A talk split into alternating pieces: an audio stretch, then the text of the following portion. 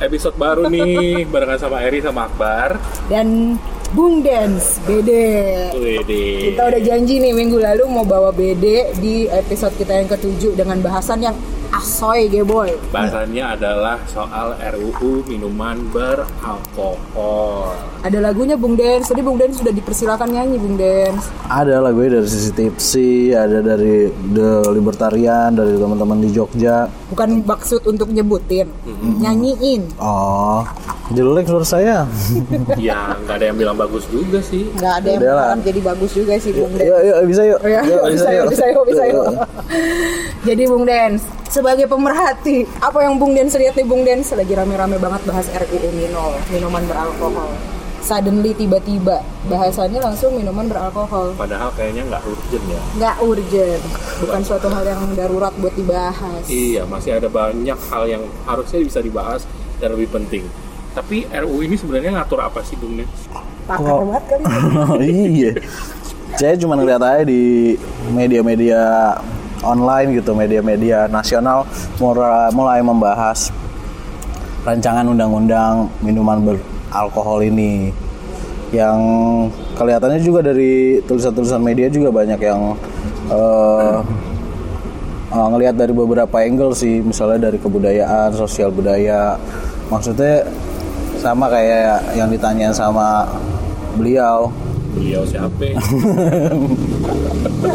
kayak ada pro kontranya lah sama urgensinya tuh apa dibangunnya sekarang gitu apa emang ini kegoreng aja jadinya terlalu sensitif judulnya minol gitu jadinya gampang kegoreng sih Digoreng tapi aneh banget. juga sih nggak tahu juga sejak kapan tuh si minol itu dibahas apakah baru apakah emang udah ada wacana dari lama? Saya nggak ngeliat sih cuman udah mulai rame aja. Dan makin ke sini makin makin jadi jadi santapan sama teman-teman di sosial media gitu. Rame ya. rame. Rata-rata bahasannya mayoritas itu menolak ataupun kontra sama rancangan undang-undang itu. lebih kepada apa ya? Ini tuh bener kata Bung Nens tadi, nggak ada Iya. urgensinya. Nggak ada Kan? urgensi. Tapi kan ini RUU bakal mengatur nanti tidak semua orang bisa memproduksi alkohol atau setiap orang dilarang untuk memproduksi minuman beralkohol gitu kan. Tujuannya baik dong sebenarnya. saya nih Nyebelin. Nyebelin. ya ju- tujuannya baik cuman kan kita ini Indonesia ya dari Sabang sampai Merauke terlalu beragam orang-orangnya culture-nya budayanya agamanya maksudnya nggak bisa tiba-tiba di menyeratakan melalui undang-undang minol atau masih sekarang masih rancangan undang-undang minol karena kan udah juga ada yang mengatur masalah eh, usia 21 tahun minimarket nggak boleh jualan harusnya di di atas satu tingkat dari minimarket habis itu eh, ketat sekali misalnya eh, peredarannya di bar-bar atau apa ya nyebutnya ya Di daerah Depok aja dia juga punya peraturan daerah sendiri. Iya, bisa diatur di perdanya masing-masing gitu dan udah ada aturannya. Eh sebenarnya sih gimana tinggal ngelaksanain si peraturan yang udah dibuat sama masing-masing perda sih. Itu sih sebenarnya cukup. Kalau gue sih ngeliatnya kayak dasar hukumnya apaan ya dibuat kayak begitu.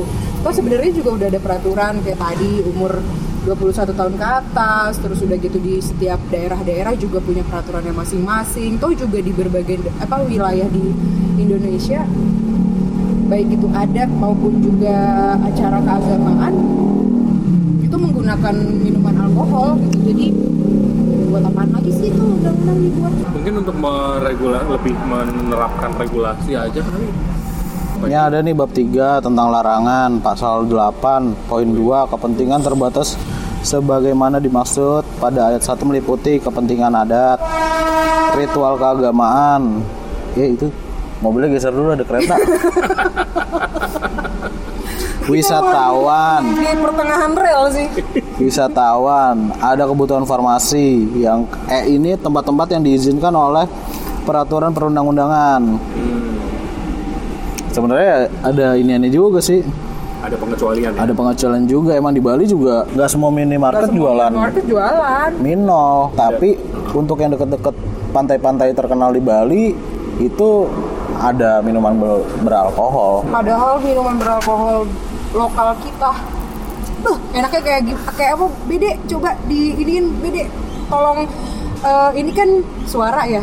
Jadi nggak bisa divisualisasikan. Coba Bede bisa visualisasikan nggak? Theater of Dream. Ya. Theater of mind, theater of dream. Eh, Salah ya. Ini kerekam lagi. Bisa nggak lo memvisualisasikan dalam kata-kata seberapa enaknya Mino lokal? Kalau minum lokal sih sebenarnya enak gak enak itu tergantung dari wilayahnya masing-masing. Hmm. Kalau gue lihat tuh misalnya daerah Medan, daerah-daerah daerah Jawa juga sebenarnya ada juga juga. Padahal sepanjang sepanjang Jawa juga unik-unik minumannya. Ya emang dominasinya dibanyaknya di daerah Indonesia Timur lah, Makassar, Ambon, ada Papua. Berarti kan sebenarnya semua daerah di Indonesia juga punya lok ini apa eh, alkoholnya masing-masing terus ngapain makanya ada larangan-larangan coy. Itu dia. Mem- Jadi, me- ini tahu memberikan batasan untuk orang lebih berkreativitas sih kalau gue lihatnya ya. Karena itu kan minum alkohol kan sebuah karya. Ibarat lo masak itu membuat sebuah karya untuk bisa disajikan ke halayak gitu. Dan ini juga apa namanya berpengaruh ke sektor wisata juga kan. iya. Jadi kalau misalnya sekarang kalau misalnya bule nih wisatawan mancanegara lah mau wisata ke Bali. Ketika mereka pengen minum minuman beralkohol katanya RU ini nanti juga akan berpengaruh akan membatasi gitu dan akan berdampak ke sektor wisata. Nggak cuma di daerah-daerah wisata kayak Bali dan lain sebagainya sih. Industri wisata di Jakarta aja juga bakal terkena pengaruh kan. Nanti bar-bar yang ada di Jakarta atau mungkin tempat eh, hiburan malam kayak buka aja lagi corona. Misalnya Oh, misal. gitu. Ayo Bung Dens coba apalagi yang ada di dalam undang-undang itu? Jadi si Bung Dens ini benar-benar lagi memperhatikan sekali pasal per pasal yang ada di RUU itu. Mm-mm. dan juga gue lagi merhatiin ini nih artikel yang dibikin sama Michael Hadilaya yang diupload atau dimuat Hmm, di koran kontan. Oke Jadi di sini dia juga ngebahas soal peraturan uh, perundang-undangan atau RUU minuman beralkohol ini. Uh, yang dia juga bilang kalau belum ada urgensinya lah untuk mengatur. Hmm. dan juga masih sangat terlalu dini terlalu luas cakupannya terus juga masih abstrak banget lah RUU ini. Tapi nih menurut artikel ini juga menyusun sebuah undang-undang tuh memang uh, bukan persoalan mudah gitu kan penyusun undang-undang tuh harus Ya, kalau kagak mudah tahu kagak mudah kagak usah Iya. dibuat penyusun undang-undang yang baik harus berinteraksi dengan berbagai kalangan, menelaah berbagai studi dari sumber otoritatif yang erat, yang erat hubungannya dengan objek yang akan diatur, kemudian eh, hukum yang akan dibuat itu bukan sebuah produk barang yang muncul dalam ruang hampa. Cie. Berarti dia juga harus melibatkan peminum di situ untuk. Bu, BD bisa, Iya. bisa diulang Sabi, harus sabi. melibatkan peminum di situ bukan pemabuk ya peminum aja Iya loh, beda loh. Siapa yang mabuk? kan bu- kalau BD kan bisa ngontrol Bu, BD Ya Tahu itu orang orangnya harus bisa kontrol. Drink responsibility. Indonesianya Bung Den Minumlah de- dengan bertanggung jawab. Bring re- responsibility. bukannya iya gitu kalau bring responsibility itu tanggung jawab minum lah minum. tanggung jawab. minumlah Ya tanggung jawab itulah. Saya bacanya juga siwer waktu itu. padahal nggak ada apa-apa di meja kita Makanya. Waktu itu dulu. oh iya Bung sip Lap. Bung Terus juga menurut artikel ini eh, persoalan aplikasi Aha. Dalam RUU ini, setiap orang dilarang mengonsumsi dan memproduksi minuman beralkohol. Namun, RUU ini membuka pengecualian bagi kegiatan tertentu seperti ritual adat dan kepentingan ibadah. Tadi udah kita sebutin ya. Jadi gitu. Ini eh, disebut si pembuat artikel sebagai ke- kekosongan. kekosongan oh, ruang hampa ya tadi dia sebut ya Hmm, kekosongan ruang-ruang semacam ini hanya akan mendorong terjadinya penyalahgunaan kuasa oleh aparat di lapangan nantinya. betul Praktek pasar gelap, korupsi, dan penyimpangan kekuasaan akan menjadi belatung yang hidup dari bangkai undang-undang semacam ini. bagus banget yang nulis Ya, temen gue lah. oke shout out dulu Halo Michael, Hai halo Mas Michael Mas Michael. so manis. Gak apa-apa dong. Dan by the way bicara soal tadi adanya kemungkinan-kemungkinan yang terjadi kalau adanya undang-undang itu pun juga tadi sempat gue baca kalau eh, judul di artikel ini ini random sih artikel gue gue cari tadi judul dari judulnya aja tuh udah menarik perhatian gue karena tulisannya gini RUU Minol pelarangan minuman alkohol justru menimbulkan masalah kesehatan di masyarakat. Simpelnya ada satu sub sub eh, sub eh, apa namanya subjudul yang dia buat yakni adalah resiko pelarangan alkohol bagi kesehatan masyarakat. Jadi kalau dari sudut pandangan kesehatan masyarakat ini tuh justru bikin eh, apa namanya resiko tinggi untuk pelarangan-pelarangan alkohol lainnya. Ini berhubungan langsung dengan eh, series yang lagi gua tonton. Yaitu Series rujukannya BD, Bung Dance. apa judulnya? Apa Bung? Eh, ini? Queen Gambit Bukan eh bukan Gambit. Apa sih lupa gue? Breaking Eh, Bad. ya, Breaking Bad. Jadi kalau di artikel yang dikeluarin dari The Conversation, gue sebenarnya juga nggak tahu ini artikel dari mana ya. Tapi yang bikin itu eh namanya Citawi Dakdo, University of Birmingham. Wow. Dia ngomong gini, pelarangan alkohol yang terlalu ketat itu dapat meningkatkan jumlah gangguan kesehatan serius serta kematian. Why? Kenapa berhubungannya sama eh, kesehatan masyarakat? Karena meta- metanol yang umum digunakan dalam produksi minuman oplosan ini itu tidak memenuhi standar keamanan untuk dikonsumsi dan bisa mengakibatkan keracunan. So, karena sedikitnya minuman-minuman alkohol yang diperjualbelikan, sementara kebutuhan masyarakat akan minuman alkohol ini tinggi, jadi tidak menutup kemungkinan kalau masyarakat itu akan melakukan oplosan dengan sendirinya. Karena metanol sendiri kan tidak dibatasin penjualannya ya. Jadi dia bisa ngeracik sendiri, itu jauh lebih berbahaya baik itu untuk kesehatan maupun juga uh, untuk ya yang paling penting sih soal kesehatan karena kan nggak ada standarisasi metanol ataupun kandungan alkoholnya di situ ya. Iya. Jadi ini dari sisi dari sisi kesehatan masyarakat. Sementara kalau misalnya alkohol-alkohol yang diperjualbelikan ataupun alkohol-alkohol yang tradisional itu semuanya sudah memiliki standar. Oh, ya. Ya kalau yang punya perusahaan nggak mungkin dia bisa memperjualbelikan kalau dia tidak mempunyai standarisasi yang sesuai untuk diedarkan kan. Ya. Terus kalau yang lokal-lokal mereka pun juga eh, nggak akan ya logikanya gini deh mereka nggak akan bisa memproduksi minuman alkohol lokal sampai sejauh ini dari zaman dulu kalau ternyata eh, minuman alkohol itu yang pure buatan lokal itu berbahaya. Jadi kalau emang buatan lokal itu berbahaya pasti nggak akan dilanjutin sampai sekarang. Ternyata dilanjutin kan sampai sekarang. Karena memang mereka pun dari adat-adatnya sendiri juga punya standarisasi. Meanwhile kalau orang sembarang melakukan oplosan itu kan nggak ada standarisasi tersebut. Jadi benar kalau RUU Minol ini beneran bener apa benar-benar diloloskan jadi undang-undang terus kemudian uh, soal distribusi juga dibatasi secara ketat ada standarisasi atau regulasi yang benar-benar ketat juga di situ ya nggak menutup kemungkinan orang-orang akan jadi si Walter White kayak di Breaking Bad bedanya yang ini meracik minuman alkohol kalau Walter White itu meracik sabu-sabu atau met ya met met itu ya Crystal meth. crystal meth Oke. Sih, bisa kan terjadi kayak Iya.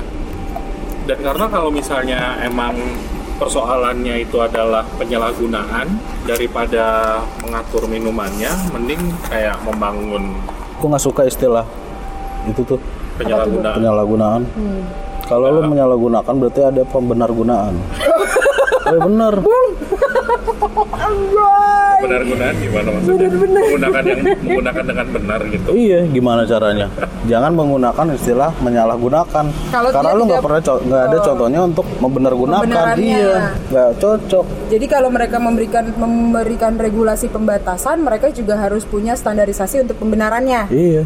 Oke. Kalau saran lu gimana, Bung? Kayak apa contohnya yang bisa yang bisa diaplikasikan gitu misalnya kayak minum, mungkin minumnya di mana gitu kali yang dianggap sebagai pembenaran atau diizinkan. Ya enggak sebenarnya dari undang-undang ini tuh kan luas banget nih. Tadi udah baca, tadi udah baca. Udah dibaca. Jadi udah tadi yang ngobrol gue sama Akbar itu dia baca. Gila, tiga menit langsung baca semuanya Uh, gitu. keren. Bisa dilanjutin nih. Bisa bisa bisa Bung, maaf Bung.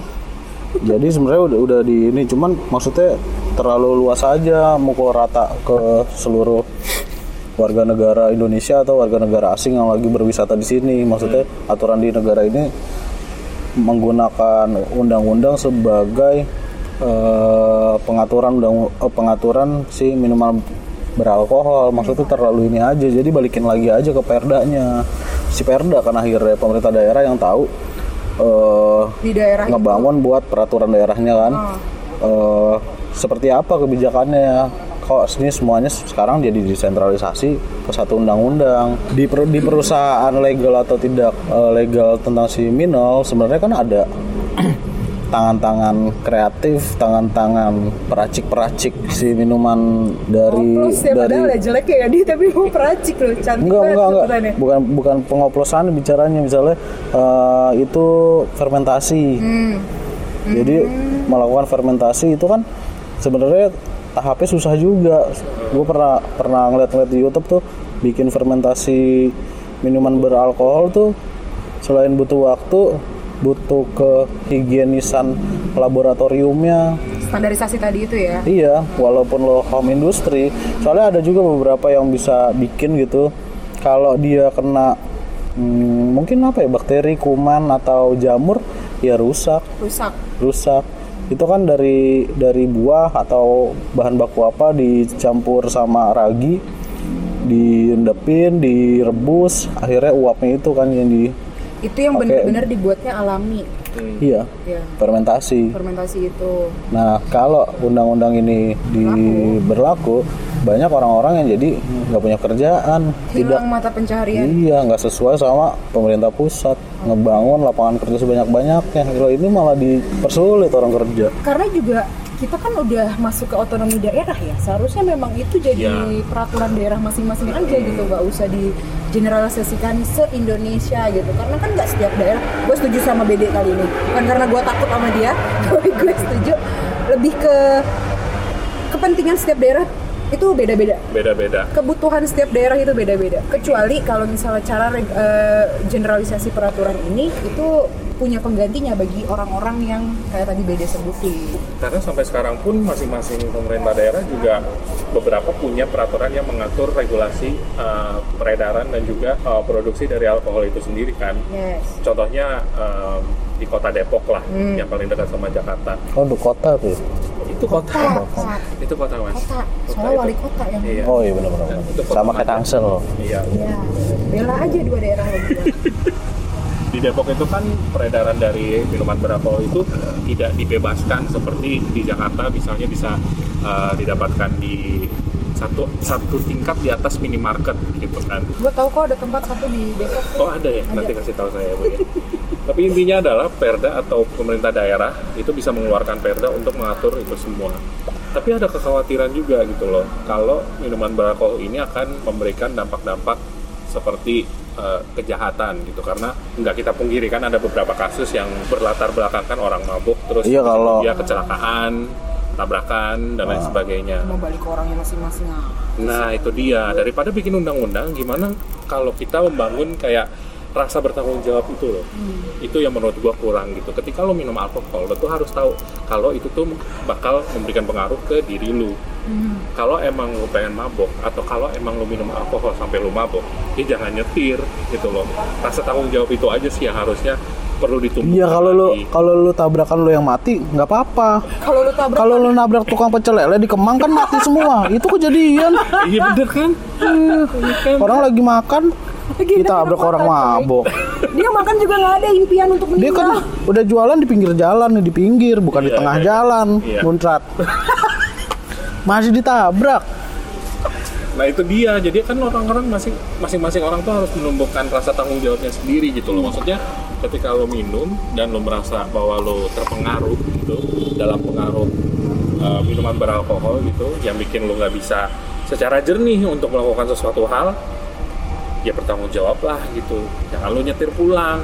Nah kayak tadi istilahnya BD sebut drink apa BD drink possibilities ya itu istilahnya dia aja udah Drink responsibly. Responsibly botolnya hijau tuh. Biasanya di Liga Champion. Itu Nongol. yang ini deh. Imbauan di semua minuman alkohol. Iya. iya sebenarnya kan kalau untuk dari produsen-produsen minuman alkohol. Soalnya kalau dulu kalau dulu nih ada salah satu brand tuh menuliskan baik dinikmati bersama teman-teman. Dulu gua sempat minum botolnya begitu tulisannya tuh. Akhirnya diganti.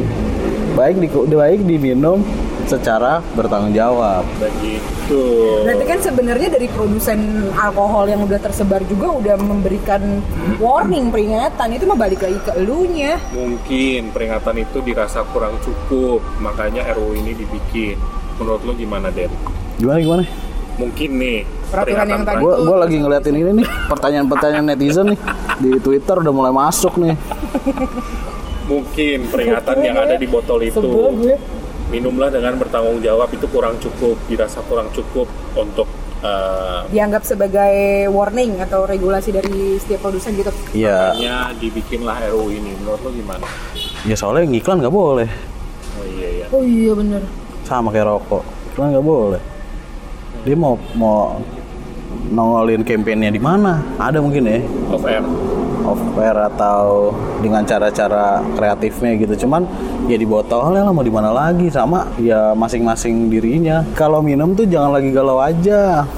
Justru kan bukannya minuman itu dicari oleh orang-orang yang gamang. Bukan gitu. ya kalau Dan- happy, happy juga minum. Jadinya ceria. Nggak muram gitu nyetir nabrak pecel lele. Ingat nggak dulu juga pernah ada kejadian masalah responsibility ini yang kejadiannya di Tugu Tani? Oh tapi itu pengaruh obat-obatan juga dia. Tapi kan juga dalam keadaan yang tidak sadar berarti kan sebenarnya bukan karena alkoholnya kan? Loh iya lah kan mabuk nggak dari alkohol doang. Nah itu. Agama. Gue yang sama itu apotek yang berkali-kali ditabrak tuh. Iya itu juga karena human error bukan karena alkohol error. Senoparty. Senoparty.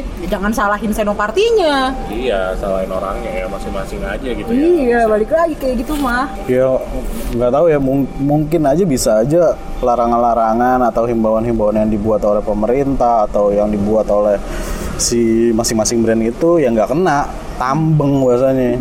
Jadi pemerintah harus turun tangan. Tapi gue juga bingung sih apakah harus pajak dari etil met- metanol setahu gue ini. Itu bisa bisa juga kan dilariin ke BPJS sama kayak cukai rokok nih. Jadi misalnya dia nabrak orang pecel lele tapi orang pecel lele bisa di cover sama BPJS gitu. Eh, nggak ngerti Ya misalnya di Indonesia ini Ah. pajak dari minuman ber- beralkohol ini seberapa tinggi sih? Kalau gua ngeliat dari sudut pandang lain lagi gitu. terus dengan pajak tinggi itu lebih baik dilarikan ke BPJS itu maksud lo Iya, jadi maksudnya eh, subsidi silang iya subsidi silang.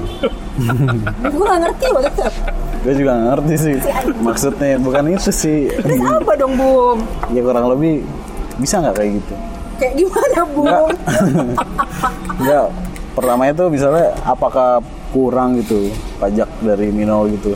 oh terus sampai harus dibikin Hmm. sampai harus undang-undang Iya harus undang-undang di, ini di undang-undang. Gua kemarin beli minuman yang depannya V tuh. Akhirnya gue beli tuh. Kepancing juga ternyata. Penasaran kan, belilah ke Happy Store gue nyebutnya. Eh, Harganya tuh sekitar 270 atau 280. Pas gue ngeliat pajak ya, 80 ribu sendiri coy. Berarti gue taat pajak dong.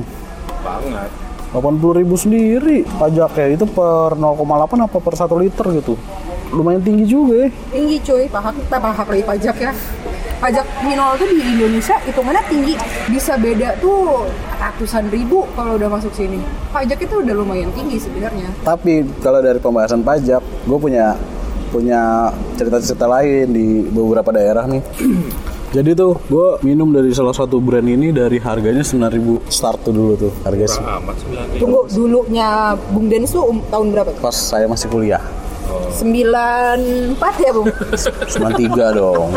dan Oh. itu dia seumuran nama gua jadi kalau dia 98 94 kuliah gua juga 94 kuliah dong Nah itu dia, saya baru lahir Jadi tuh yang yang kita minum tuh di kampus tuh sejenis obat herbal sebenarnya. oke Jamu. tapi itu legal Legal. Legal Ente Enak. en- ente kalau pesen tolak angin di tukang jamu itu dicampurin intisari. Tapi kita beli itunya aja oh intisarinya karena nggak masuk angin. Iyalah itu saya beli dari 9000 sembilan ribu Karena- plastik hitam Iya, karena nggak masuk eh, minuman beralkohol dulu. Sepertinya masuknya ke Jamu. obat-obatan jamu. dia mau eh, mohon maaf sampai sekarang aja di botolnya itu ada tulisannya kok masih ada bulat Ada jamu, Jamu. diminum dua dua sendok ada takarannya kan dua botol. Maksudnya dua botol. Kita ngeri diabetes sih. Ngeri, ngeri diabetes sih banyak banyak. Manis. manis cuy Nah itu saya beli dari 9000 Kalau ngajak patungan, Patimura bersatu cukup.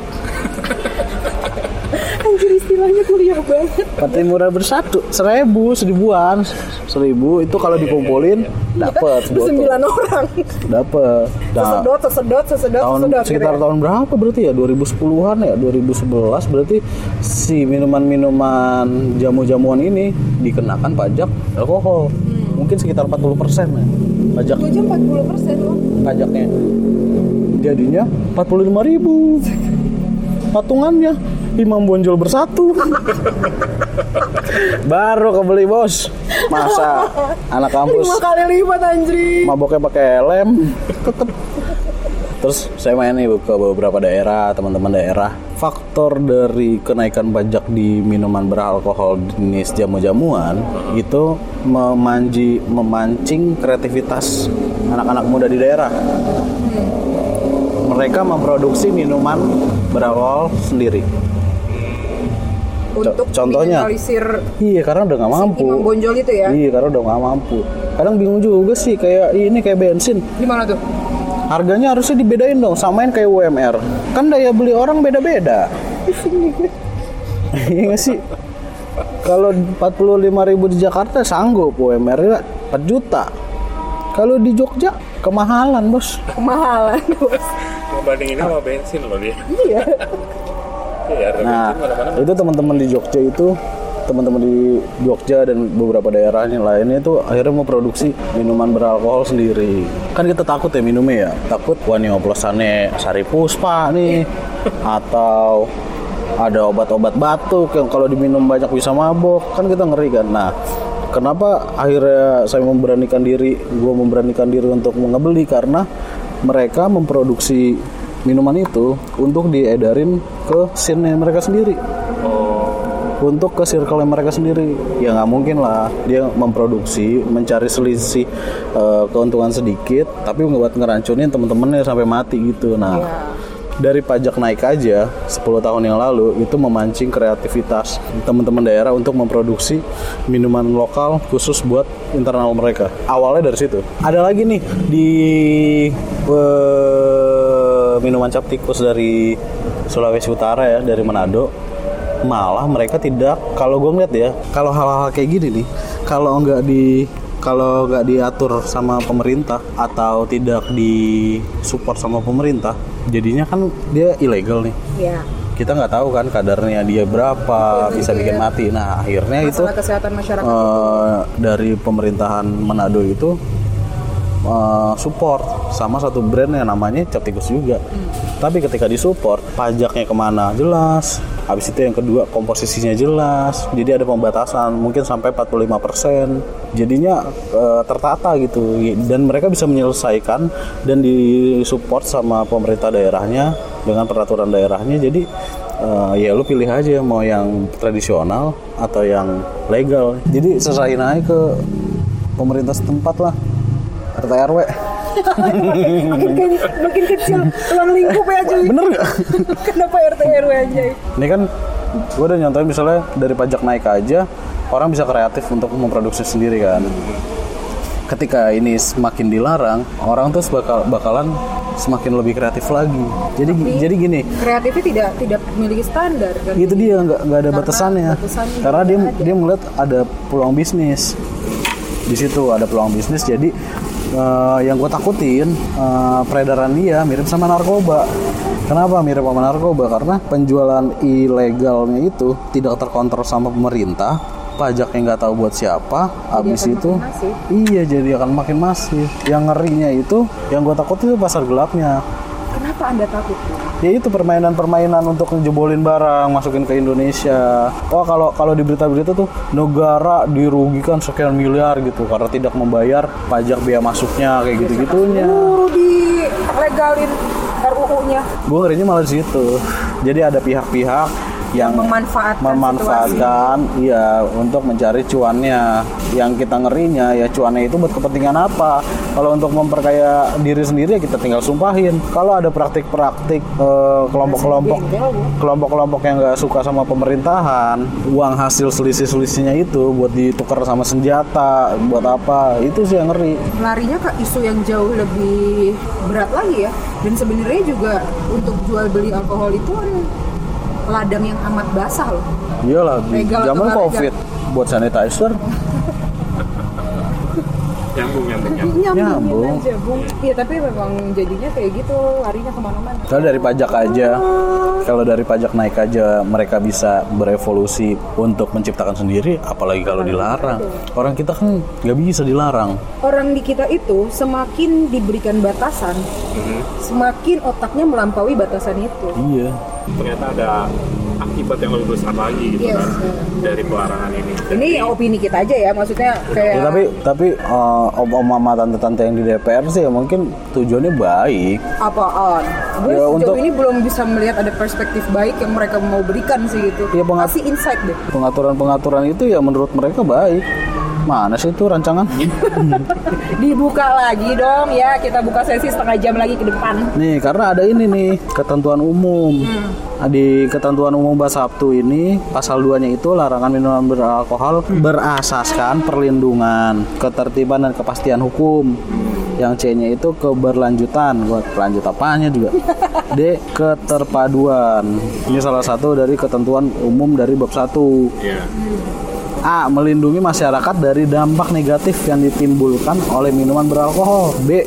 Menumbuhkan kesadaran masyarakat mengenai bahaya minuman beralkohol. berarti sebenarnya kalau dari subjudul Lalu gue belum kelar. bangke Menciptakan ketertiban dan ketentraman di masyarakat dari gangguan yang ditimbulkan oleh peminum meminum beralkohol.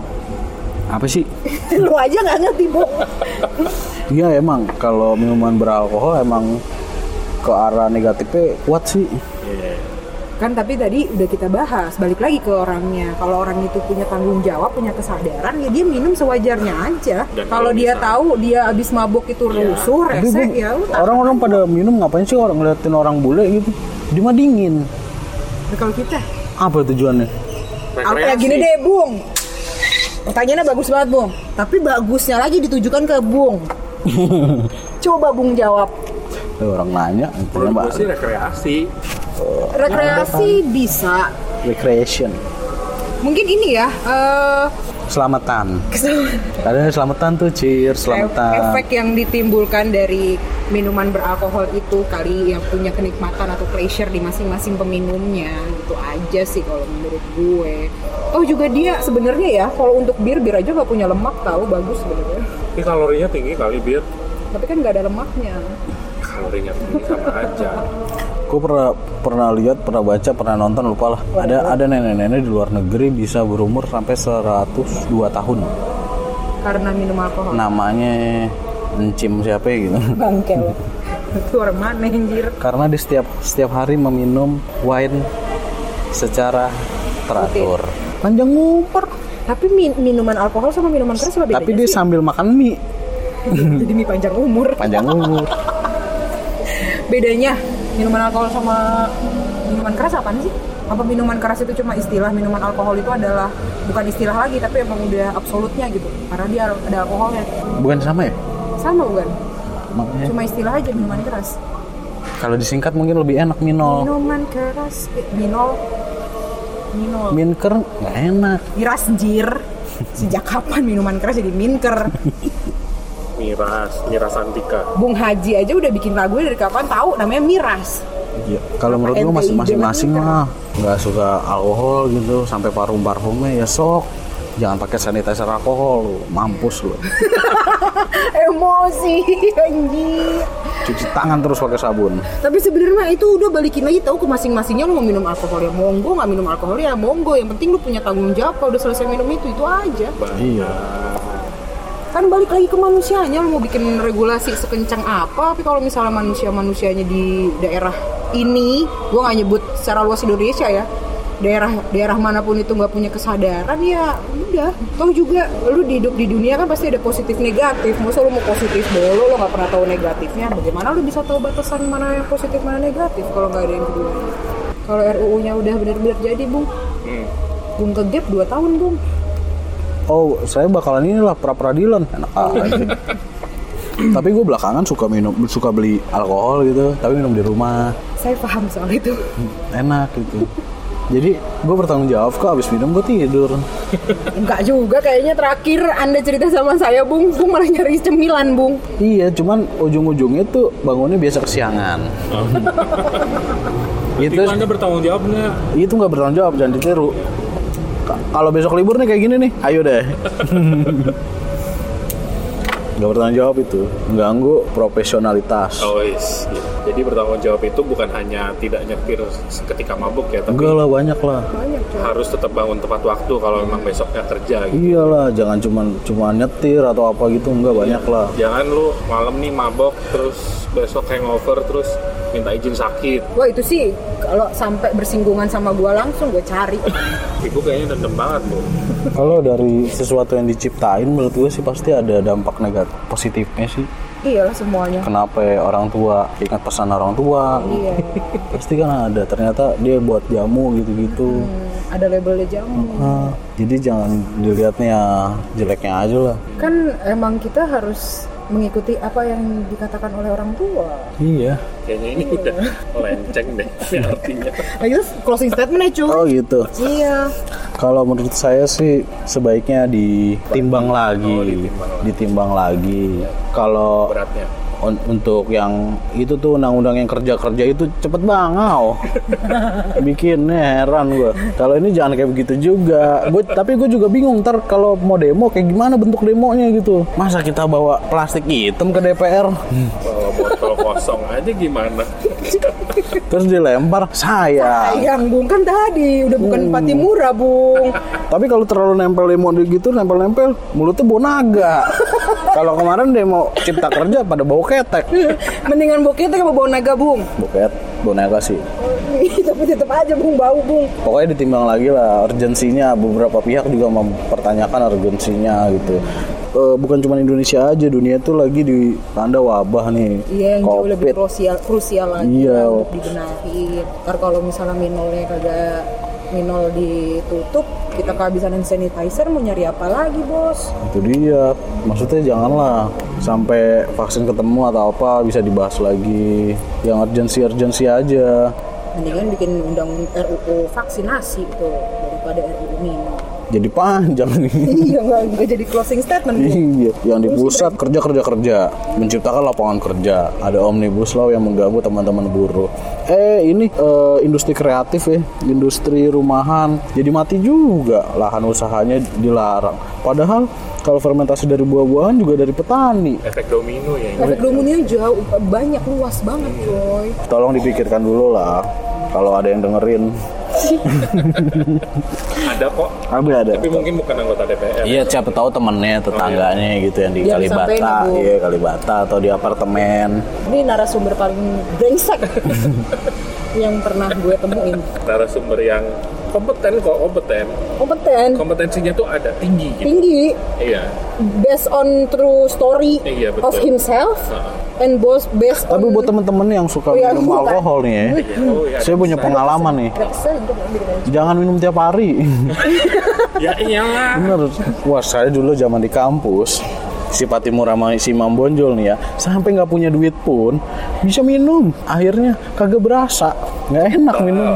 Jadi kebal. jadi kebal nggak enak. Ya Jadi kayak ampun. minum air aja gitu. Buset dia parah banget. Saya bisa minum berapa botol dulu.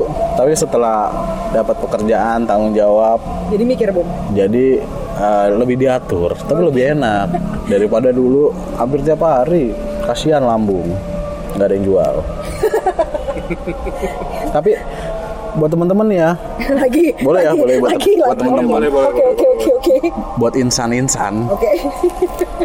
Kalau mau minum Makan dulu Kalau enggak, asian lambungnya. Oh, iya. Teman-teman saya banyak yang lambungnya pada kena. Yang pastinya setelah minum atau sebelum minum aspirin disimpan dulu ya sama air putih. Sama ada katanya kalau udah mabok minum norit Iya itu emang buat nyedot menyedot racun. Iya ngapain lu minum, minum racun? Ih, Jadi aspirin, norit, dan air putih tolong disediain setelah makan. Hmm, Tapi jangan juga minol itu buat eh, memanfaatkan kecelengan orang gitu di bar. Janganlah. Kecelengan. Oh, maksudnya lu manfaatin orang mabok. Iya, keluarin skill lu aja, skillful. Iya, iya, iya. Maksudnya perbungkusan duniawi. Iya. Kasihan minolnya coy. Ada lagi nggak pesan dari lu nih? Udah sih nih dikit lagi ini break isoma ya. Isoma. Ya udah Ya. ya, kita udahin aja ya. Tapi bersambung tenang nih buat pendengar-pendengar apa ya radionya? Kagak ada radio podcast. Podcastnya nih kita bisa bersambung lagi lah. Karena ini proses masih berlanjut. Oh iya. Di DPR masih running. Nanti ketika ini akhirnya disahkan atau tidak, nanti Iya. kita bikin lagi ya. Pokoknya hati-hati ada pengalian-pengalian isu. Ya udah ya. Terima kasih teman-teman yang udah dengerin. Dan bes- eh, tolong teman-teman yang udah dengerin ini mungkin bisa kasih masukan ya. Akan eh, minta untuk mengundang Bung Den lagi nggak untuk tema-tema yang lainnya? Atau cukup sampai di sini aja nih untuk narsum Bung Den ya karena memakan durasi yang cukup banyak. dan juga memakan emosi ya. Oke, closing statementnya adalah bertanggung jawablah ketika meminum apa pun. Betul. Bukan cuma minum alkohol doang ya. apa pun tuh apa jamu juga ya Jamu juga. Tadi Patimura sama itu. Imam Bonjol Imam Bonjol. oke ketemu Oke. lagi next episode Dah, thank you, Bede. Bye. bye Anjir.